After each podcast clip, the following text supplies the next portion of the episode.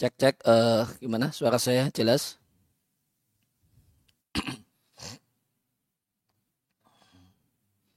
ya, mari kita.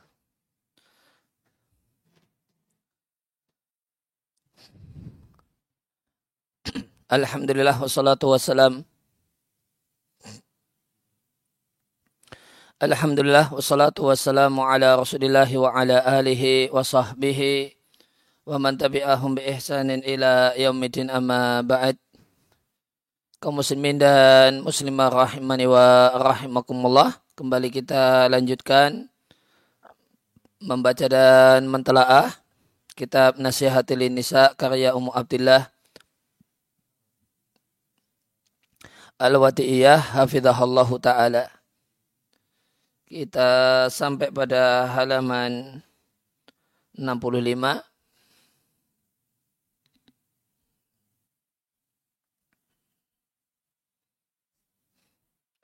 Ini dosa lisan yang ke-12, ini 65.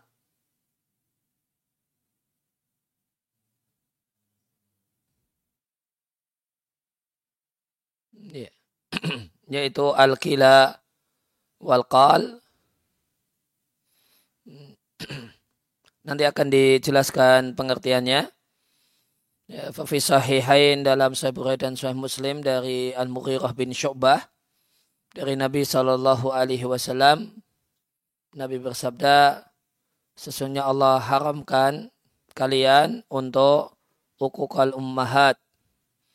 Dia durhaka dengan ibu. Wawa dal banat dan memendam anak perempuan hidup-hidup. Wa man'a wahat. Man'a artinya tidak mau menunaikan kewajiban berkenaan dengan harta ataupun jasa wahati dan menuntut dan meminta harta atau jasa yang bukan menjadi haknya. Maka ini dan yang lebih jelek manakala terkumpul pada seorang dua hal ini sekaligus.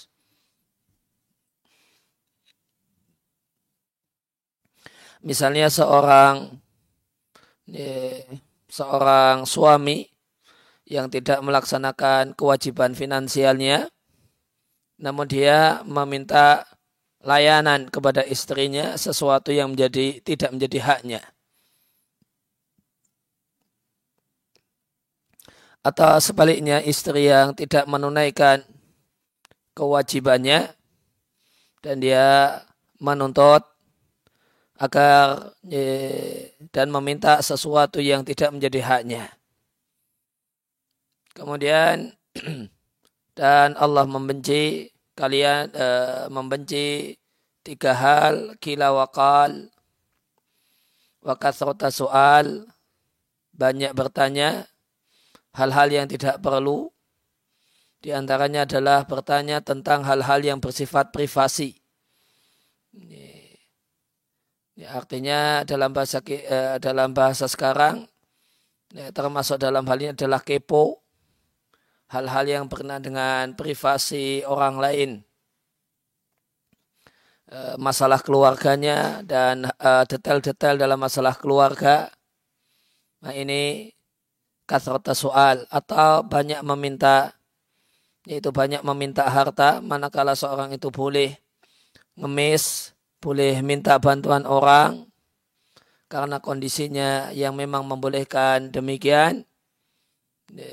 Namun tidak diperbolehkan bolak-balik dan terlalu sering meminta. Kemudian yang ketiga adalah wa atal mal dan menelantarkan harta. Yaitu memiliki harta namun tidak merawatnya. Sehingga rusak dan tidak rusak dan tidak termanfaatkan atau tidak menjaganya sehingga dicuri orang. Demikian juga itu atal mal adalah membelanjakan harta tidak dalam peruntukan yang dibenarkan oleh syariat. Dan hadis ini adalah salah satu hadis yang ada dalam Kitabul Jami' min Buluhil Maram.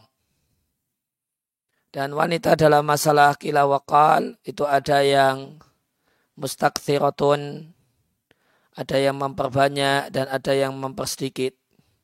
Dan banyak dari wanita yang menggunakan lisannya untuk asik berbicara dalam masalah ini dan semacam itu kecuali orang-orang yang Allah sayangi. Nah, apa makna kila wakal? Dan makna kila wakal ya, ada, uh, dijelaskan oleh Ibn Abdul Bar al-Maliki. Nama asli beliau adalah Yusuf ibn Abdullah. Dan beliau adalah ulama Spanyol. Di kitabnya At-Tamhid. Tamhid ini syarah uh, kitab Al-Muwatta'nya Imam Malik.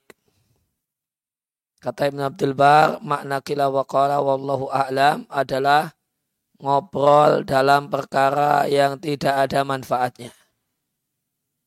Ya, yaitu min ahadisin nasi ngobrolkan tentang orang. Ya, ngobrolkan tentang orang. Ya, maka kila wakala itu banyak bicara yang tidak perlu. Banyak bicara dalam hal yang tidak bermanfaat. Ya, obrolan orang yang tidak bermanfaat. Ya, Al-hadis mimma faidata fihi min ahadisin nas yaitu pembicaraan yang dilakukan oleh banyak orang dalam hal-hal yang tidak ada perlunya. Di banyak ngomong gitu itu ahadis sunnah uh, kila wakal berdasarkan penjelasan Ibnu Abdul Bar. Dan sudah sudah jamak dikenal bahasanya perempuan itu banyak ngomong kecuali orang-orang yang Allah sayangi. Ya, sudah jamak diketahui bahasanya perempuan itu cerewet ya, ilaman rahimallah. Ya, meskipun ya cerewet itu bisa saja satu hal yang terpuji. Ketika seorang istri cerewet suaminya ya, tidak kunjung berangkat ke masjid suaminya nunda-nunda pergi ke masjid padahal sudah hampir komat sudah hampir ikoma. Ya, maka cerewet yang bagus. Ya, namun uh, namun jika cerewet tersebut dalam hal yang tidak ada manfaatnya, sekedar menyalurkan sahwat berbicara, nah ini yang tercela. Alati aksaruha ribatun yang mayoritas obrolan tersebut adalah menggunjing, kemudian larat, ya, kemudian suara gaduh, eh, kemudian wakadib, istrinya adalah informasi-informasi yang tidak akurat alias bohong. Eh, Waman aktsara minal kila waqal ma'al amati dan orang yang memperbanyak kila waqal ngobrol eh, ma'al amati bersama umumnya orang ya ngombyongi gitu kata orang Jawa ngobrol ngombyongi meramaikan orang yang sedang asik berbicara maka lam yaslam minal khawdi fil batili. Maka tidak selamat dari obrolan dalam perkara yang dalam perkara yang batil yang tidak benar. Tidak selamat dari al-irtiyab dari riba. Tidak selamat dari bohong. Wallahu a'lam. Sekian intaha sekian kutipan Ya, kemudian uh, poin yang ke-13 adalah berkurangnya pahala orang yang berpuasa disebabkan dosa lisan. Terkadang pahala orang yang berpuasa itu berkurang disebabkan penyakit lisan.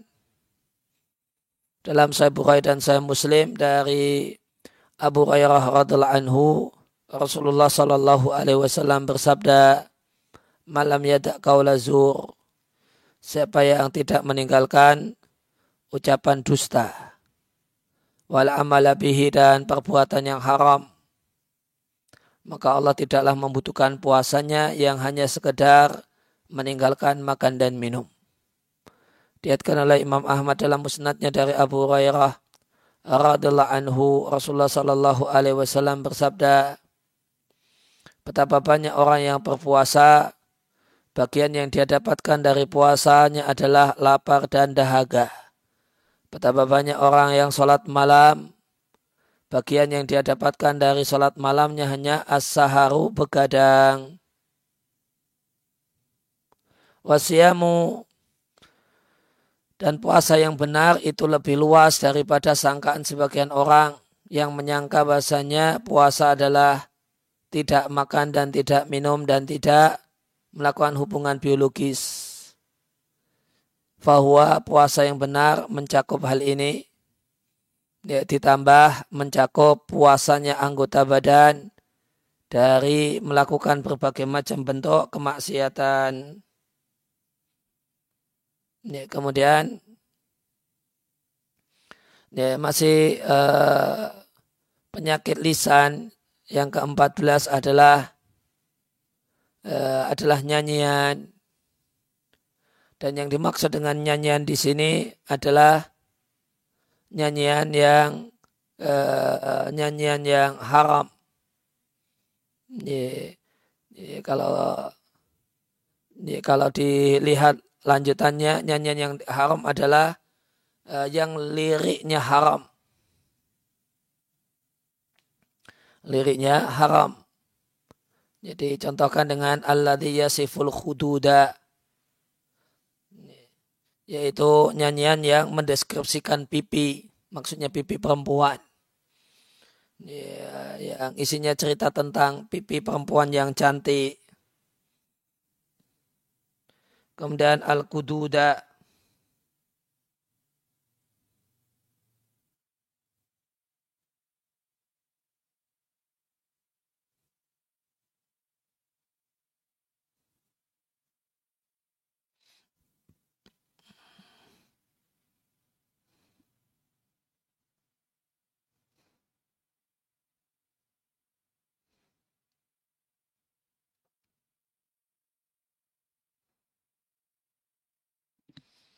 Tentang makna kudud.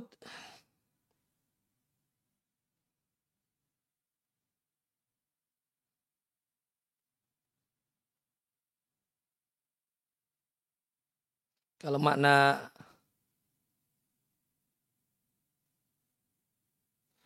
kudud jamak dari uh, kodun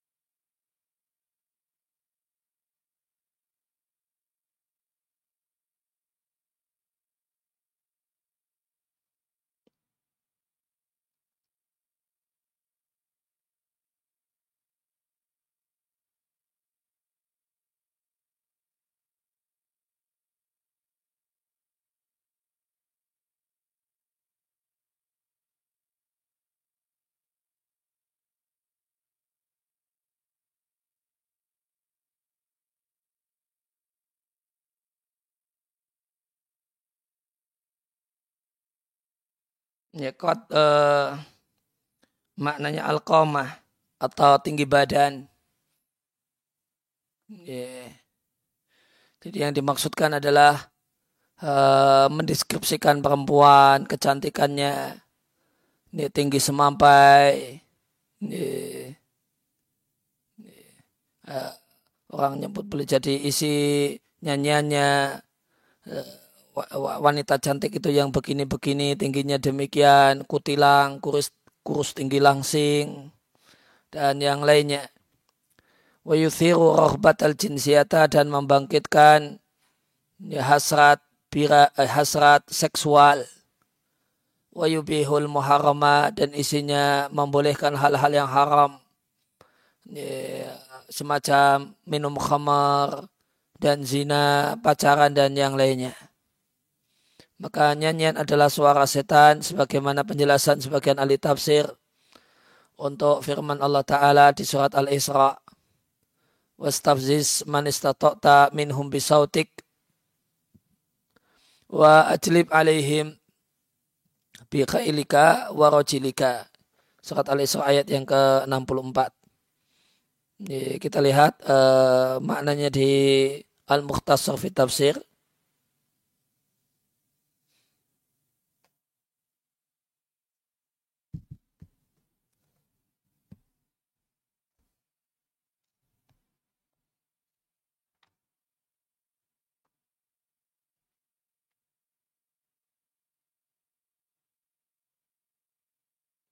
Ya, di Al-Muqtasar fi tafsir disampaikan maknanya adalah wastaghfib man istata'ta.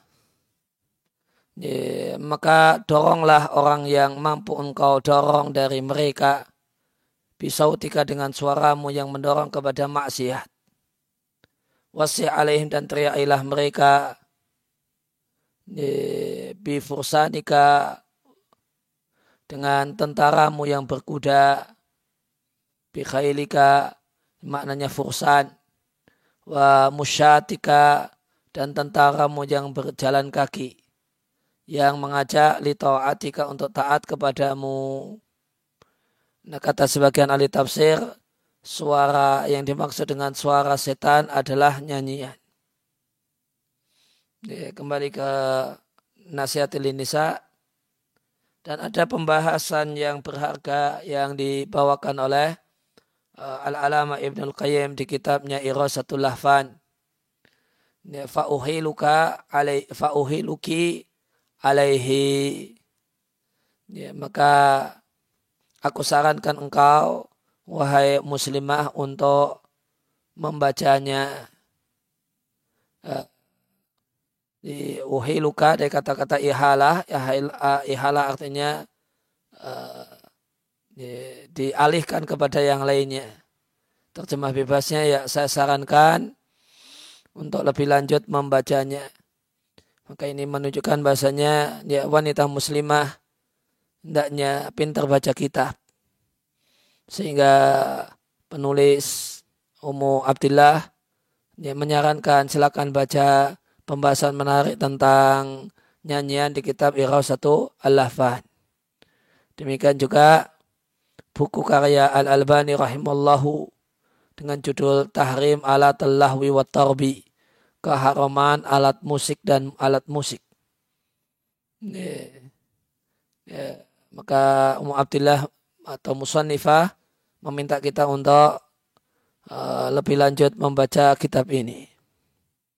Maka waspadailah wahai muslimah semoga Allah menyelamatkanmu dari mendengarkan nyanyian karena mendengarkan nyanyian itu melemahkan iman. Dan mengeraskan hati. Kemudian memudahkan mengentengkan orang untuk melakukan maksiat. Ditambah buang-buang waktu.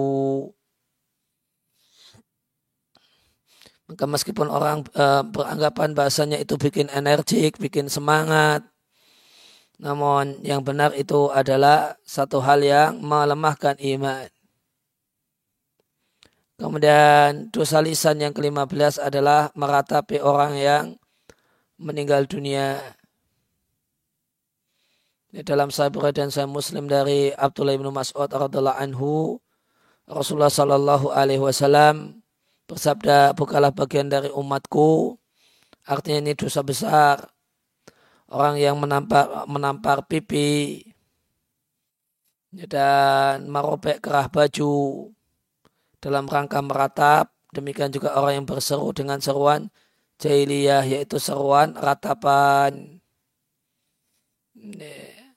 Maka, maka ini bentuk-bentuk uh, niyahah dan Nabi katakan laisa minna bukan bagian dari kami menunjukkan kalau ini dosa besar.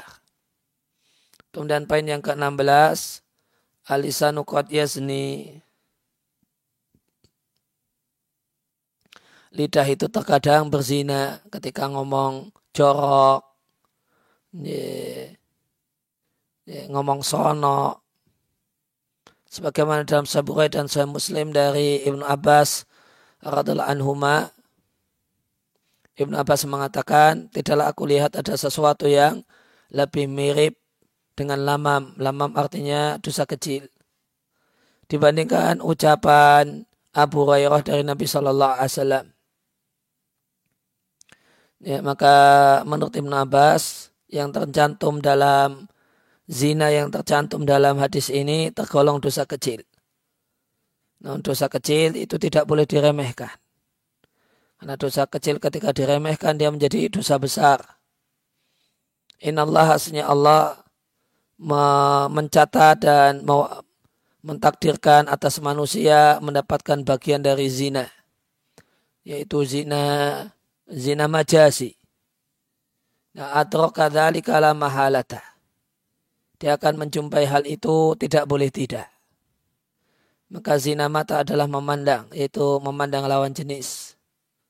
Zina lisan adalah ucapan, yaitu ucapan yang seronok dan nyerempet-nyerempet hubungan biologis dengan uh, non uh, dan itu adalah obrolan dengan non mahram, bukan bukan istri, bukan suami.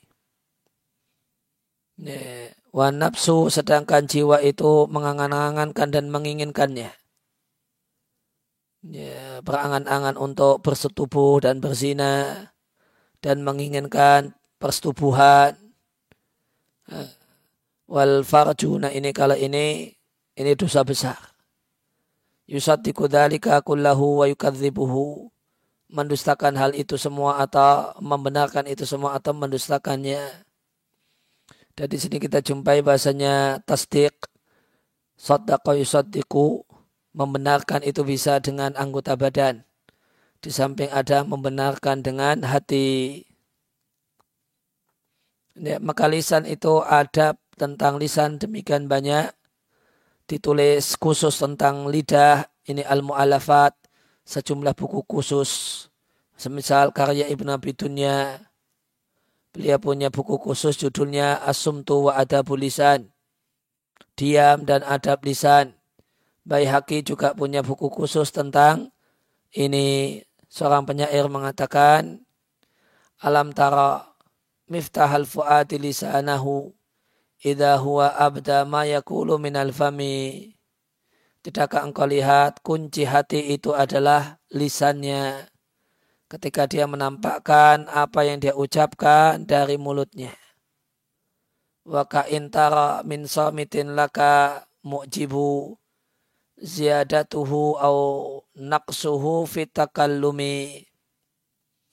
Dan seakan-akan engkau lihat orang yang diam, uh, orang yang kediam itu orang yang kagum denganmu. Ya, ziyadatuhu au naqsuhu maka tambahannya ataukah kurangannya fita kalumi dalam berbicara. Lisanul fata nisfun wa nisfun fuaduhu falam yabqa ila suratul lahmi wad dami.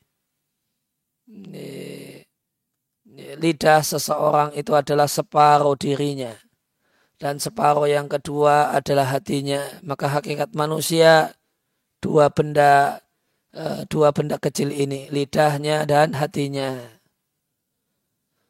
Ya, falam ya pokok tidaklah tersisa kecuali bentuk daging dan darah.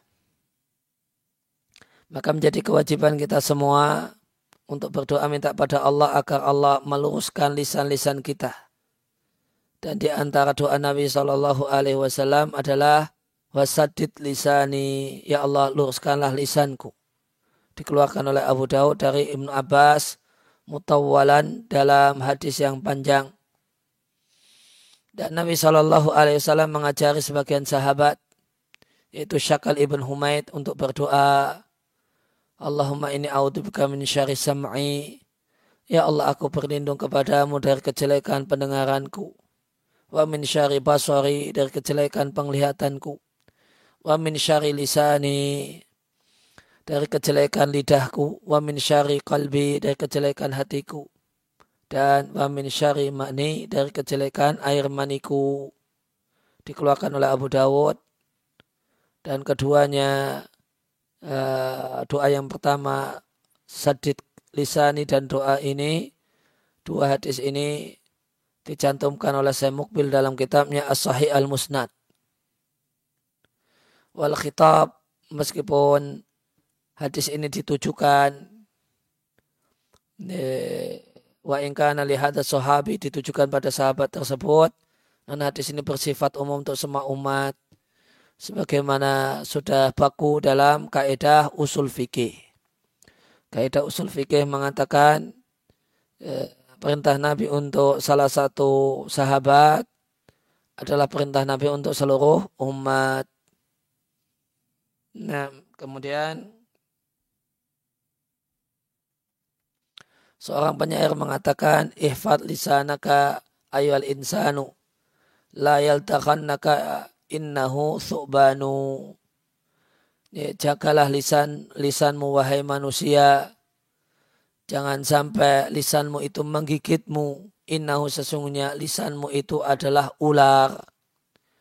Kam fil maqabiri min qatili lisanihi betapa banyak di kuburan orang yang menjadi korban lisannya sendiri karena takhafu liqa'ahu syuja'anu dan adalah takut berjumpa dengan lisan suja'anu para jagoan yang gagah pemberani. Nah ini maka ini satu hal yang menarik. Uh, lidah itu diperumpamakan dengan ular. Maka itu adalah ular uh, yang bisa uh, menggigit kita sendiri. Kemudian kita jadi korbannya sampai-sampai mati masuk ke kubur gara-gara ulah lisannya sendiri. Dan tidak ada satupun kata yang muncul dari mulut kecuali dicatat oleh dua malaikat al-muwakkala yang ditugasi untuk itu. Sebagaimana firman Allah Ta'ala, Ma yalfidhu min kaulin illa ladaihi raqibun atid. Tidak ada satupun ucapan kecuali di dekatnya ada malaikat yang raqib mengawasi adid yang selalu hadir. Di sini ada kaulin, kaulin ini isim nakirah dan nakirah dalam konteks nafi atau negasi itu didahului oleh ma tufitul umuma menghasilkan makna semua. Dan jika nakira itu ditambahi sebelumnya kata-kata min min kaulin maka lebih kuat lagi menunjukkan kalau maknanya umum. Di antara ulama ada yang berpendapat eh, laik tabu minal akwali tidak ada perbuatan yang tercatat oleh malaikat kecuali yang mengandung pahala atau dosa. Adapun yang tidak mengandung pahala dan dosa tidak dicatat. Namun sehingga berdasarkan pendapat ini maka dalam ayat di atas ada sesuatu yang dibuang kemudian yukodar ditakdirkan dikira-kirakan Takdirnya adalah mayal fidu min kaulin mustaujibin lil jazai. Tidak ada satupun ucapan yang mengharuskan untuk mendapatkan balasan, pahala atau dosa kecuali dicatat oleh malaikat. Nah, maka di sini disampaikan dua pendapat ulama tentang makna surat Qaf ayat 18. Ada yang memaknainya spesifik itu khusus untuk ucapan yang ada nilai pahalanya dan dosanya dan pendapat yang akan dikuatkan adalah pendapat yang lainnya yang mengatakan bahasanya ini maknanya umum yaitu semua ucapan baik ada nilai dosanya atau pahalanya atau tidak bernilai dosa dan pahala sampai-sampai erangan, aduhan itu juga tercatat oleh malaikat. Maka jawaban untuk pendapat yang mengatakan kalau ini spesifik adalah wal aslu adamul hadfi. Hukum asalnya tidak ada kata yang dibuang. Ya, sehingga tabakal ayat itu tetaplah ayat sebagaimana makna zahirnya yaitu bersifat umum untuk semua ucapan. Ya, lihat Adwaul Bayan karya Sangkaiti rahimallahu ta'ala. Nah, banyak wanita di zaman ini dan juga sebelum zaman ini tutliku lisanaha melepaskan lidahnya tanpa kendali untuk berbicara. Wa ka'annaha la tadri seakan-akan dia tidak mengetahui dan tidak menyadari kalau dia akan mendapatkan balasan karena perbuatannya dan ucapannya. Jika ucapannya adalah kebaikan akan dapatkan balasan kebaikan. Jika ucapannya kejelekan akan mendapatkan balasan kejelekan yaitu adab. Diriatkan oleh Al-Hakim dalam Mustadrak dari Ubadah ibn Somit radul anusnya Nabi Shallallahu Alaihi Wasallam berisyarat ke arah fihi mulutnya dan mengatakan asumtu illa min khairin ya, diam ya, kecuali dalam ucapan yang ucapan kebaikan yaitu ucapan yang manfaat. Maka Mu'ad bertanya kepada Nabi apakah kita akan mendapatkan hukuman gara-gara apa yang dikatakan oleh lisan-lisan kita. Maka Nabi Shallallahu Alaihi Wasallam menepuk paha Mu'ad dan mengatakan, Ya Mu'adu sakilat ka umuka Ya, wahai Mu'ad, semoga ibumu kehilangan dirimu. Artinya semoga engkau mati. Itu makna uh, makna terlaknya demikian. Sebagaimana di catatan kaki, artinya fakodat ka umuka, ibumu kehilangan dirimu. Artinya kamu mati. Wahadil kalimatu dan kata-kata ini orang Arab mengucapkannya dan mereka tidak menginginkan maknanya. Dan nadhiruha semisal itu adalah ucapan taribat yadaka. Uh, yang artinya adalah uh, miskin kere. Demikian juga rahima anfuka. Yaitu artinya juga uh, hina. Wa dan demikian juga uh, ucapan orang Arab akra halqa.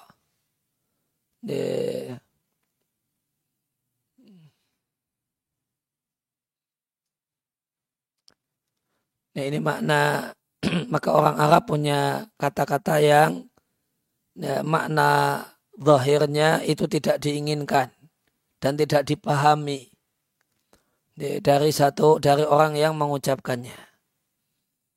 Au masya Allah ayakul lahu min dalika atau uh, ucapan yang lainnya Allah kehendaki Nabi katakan.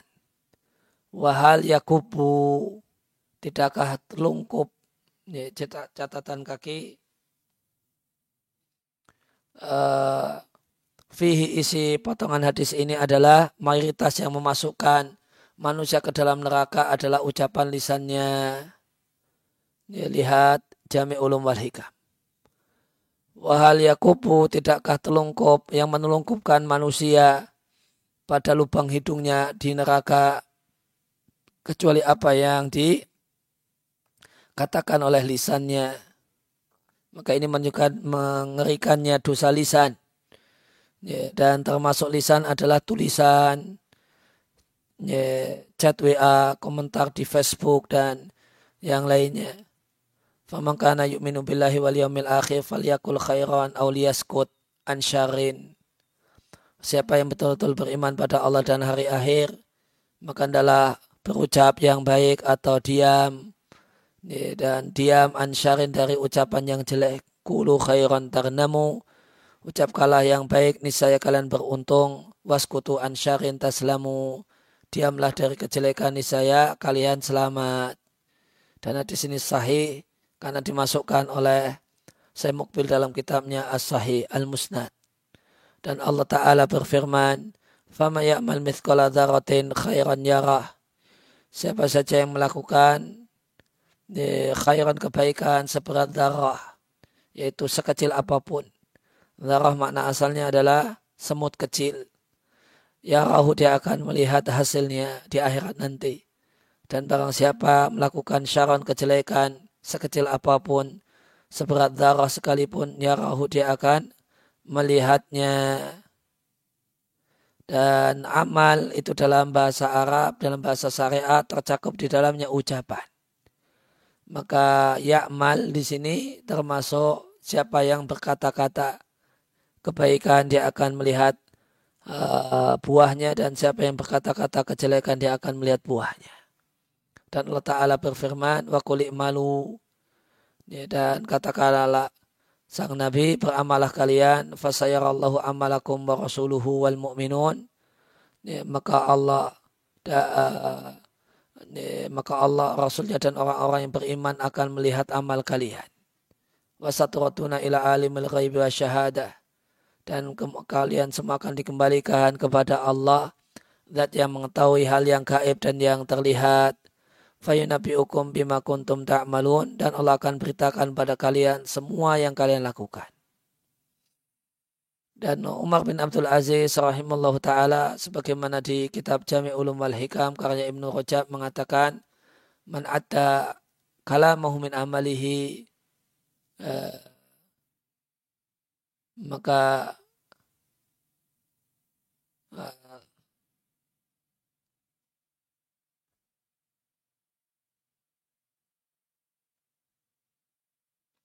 itu bukan nakola mungkin kolla kalamuhu illa fima ya'nihi siapa yang menghitung menganggap dan meyakini ucapannya itu adalah bagian dari amal perbuatannya yang akan dimintai pertanggungjawaban maka dia akan sedikit ngomong kecuali dalam hal-hal yang bermanfaat baginya.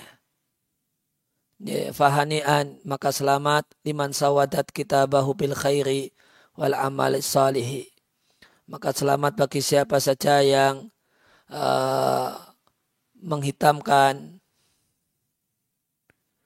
yang memenuhi uh, buku catatan amalnya dengan kebaikan dan amal saleh. Wabusan dan celaka bagi orang yang memenuhi buku catatan amalnya. Bil kalamil farihi dengan omong kosong dan perbuatan yang jelek. Allah Ta'ala berfirman, Fa'amaman utia kitabu biyaminih siapa yang diberi buku catatan amalnya melalui tangan kanannya, maka artinya dia orang uh, fayakulu maka dia akan berkata dengan penuh bangga ha umukra'u kitabiyah. Ya ini bacalah ha umu ik, uh, ikra'u kitabi. Kitabiyah artinya kitabi. Ya, bacalah bukuku bakalah bukuku buku catatanku. Ya, demikian dia sodorkan pada teman-temannya Ya, ini lo lihat bukuku, buku bagus sekali isinya.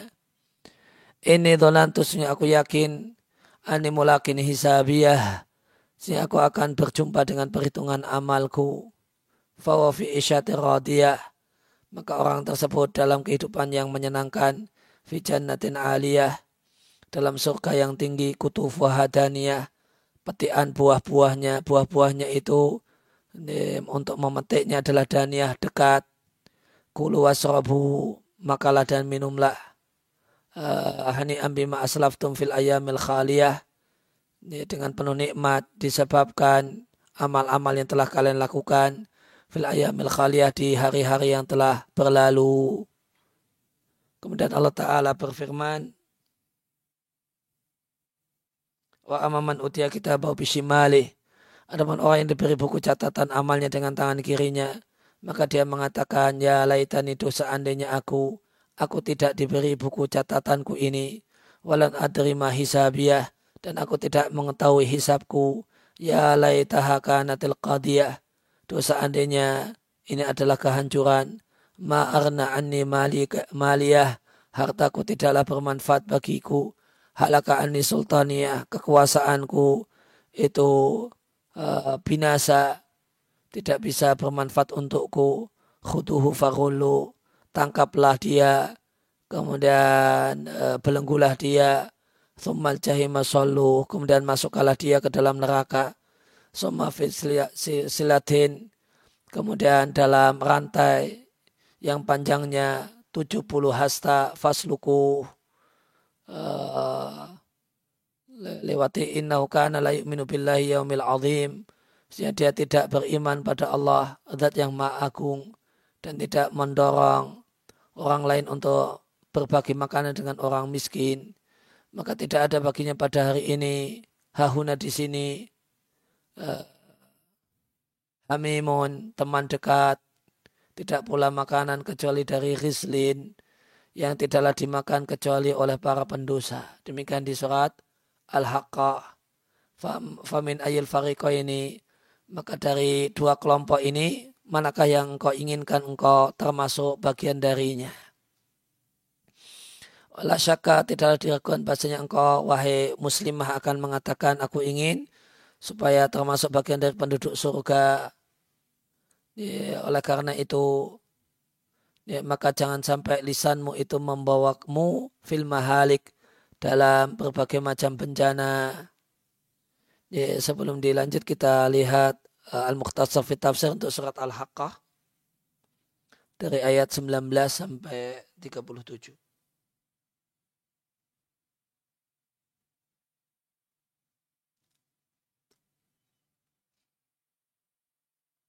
Ya, tampilkan.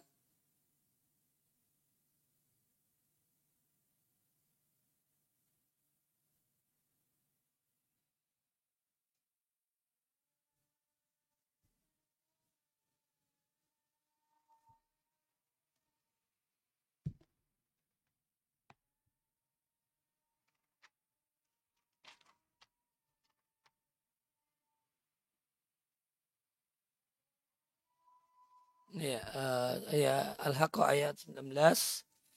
Adapun orang yang diberi buku catatan amalnya dengan tangan kanannya, maka dia mengatakan karena gembira dan gembira khudu ha'umu itu dimaknai dengan khudu ambillah. Uh,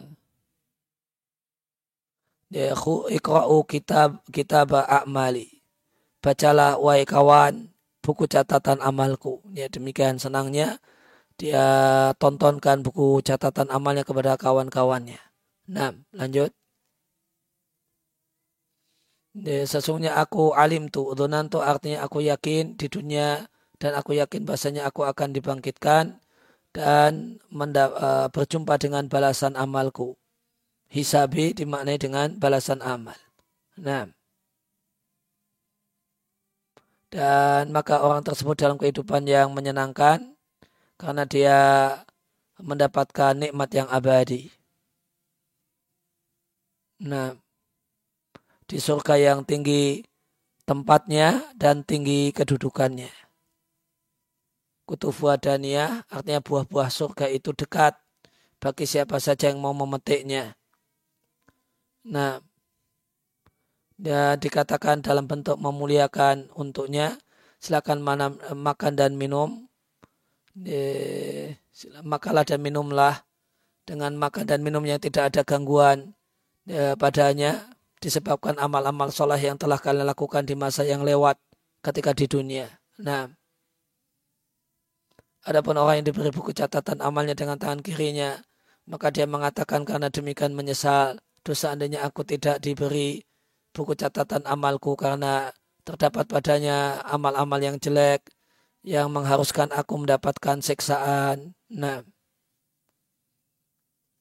dan dosa seandainya aku tidak mengetahui ayu syai'in yakunu hisabi seperti apakah perhitungan amal untukku. Dosa seandainya uh, kematian yang aku telah rasakan adalah kematian yang aku tidak akan dibangkitkan setelah itu sama sekali. Itu yang dimaksud Al-Qadiyah, yaitu kematian yang tidak akan dibangkitkan. Nah, e, dan hartaku tidaklah bisa mencegah dariku siksaan Allah sedikit pun. Nah, uh, sultani di sini maknanya hujah. Sebagian ulama memaknai sultan di sini ya, kekuasaan, jabatan dan pangkat robat ani hujati. Hujahku hilang dariku. Wa makuntu a'tamituhu alaih dan demikian juga sesuatu yang aku pegangi semasa hidup berupa kekuatan dan pangkat. Ah, berarti di sini sultani dimaknai dengan dua-duanya. Hujah sekaligus pangkat dan kedudukan. Nah, maka dikatakan padanya tangkap dia wahai para malaikat dan kumpulkan tangannya ke leher. Fakulluh dimaknai dengan dibelenggu, diikat, namun dalam keadaan tangan dikumpulkan dulu di leher semacam ya, ya tangan ditaruh di belakang kemudian diikat. Nah, kemudian e, masukkanlah ke dalam neraka supaya dia merasakan panasnya. Nah, kemudian e, kita lihat fasluku diartikan dengan masukkan dia. Kemudian masukkanlah dia dalam rantai yang panjangnya 70 hasta. Nah, dulu dia tidak beriman kepada Allah Zat yang Maha Agung. Nah, dan tidak memotivasi orang lain untuk berbagi makanan dengan orang miskin. Nah, maka tidak ada baginya pada hari kiamat hamim maknanya kerabat yang membelanya dari adab Allah. Lanjut dan tidak ada baginya makanan kecuali perahan badan penghuni neraka yaitu nanah penghuni neraka. Nah, yang maka uh, dan tidaklah makan makanan itu kecuali para pendosa dan pelaku maksiat. Nah, sampai di situ. Kemudian kita kembali ke nasihat nisa ya, catatan penting dan amal itu tercatat tidaklah berarti kalau amal itu tidak dicatat maka Allah tidak mengetahuinya. Karena Allah Ta'ala la takhfa. Tidak ada yang tidak Allah ketahui. Sebagaimana firman Allah Ta'ala di sisi Allah. Kunci-kunci hal yang gaib. Tidak ada yang mengetahuinya kecuali Allah. Allah mengetahui apa yang ada di daratan dan di lautan. Dan semua daun yang jatuh kecuali Allah pasti mengetahuinya. Tidak pula satu biji di kegelapan bumi, tidak pula yang basah, tidak pula yang kering, kecuali tercatat dalam kitab yang menjelaskan semuanya yaitu Lauhil Mahfud.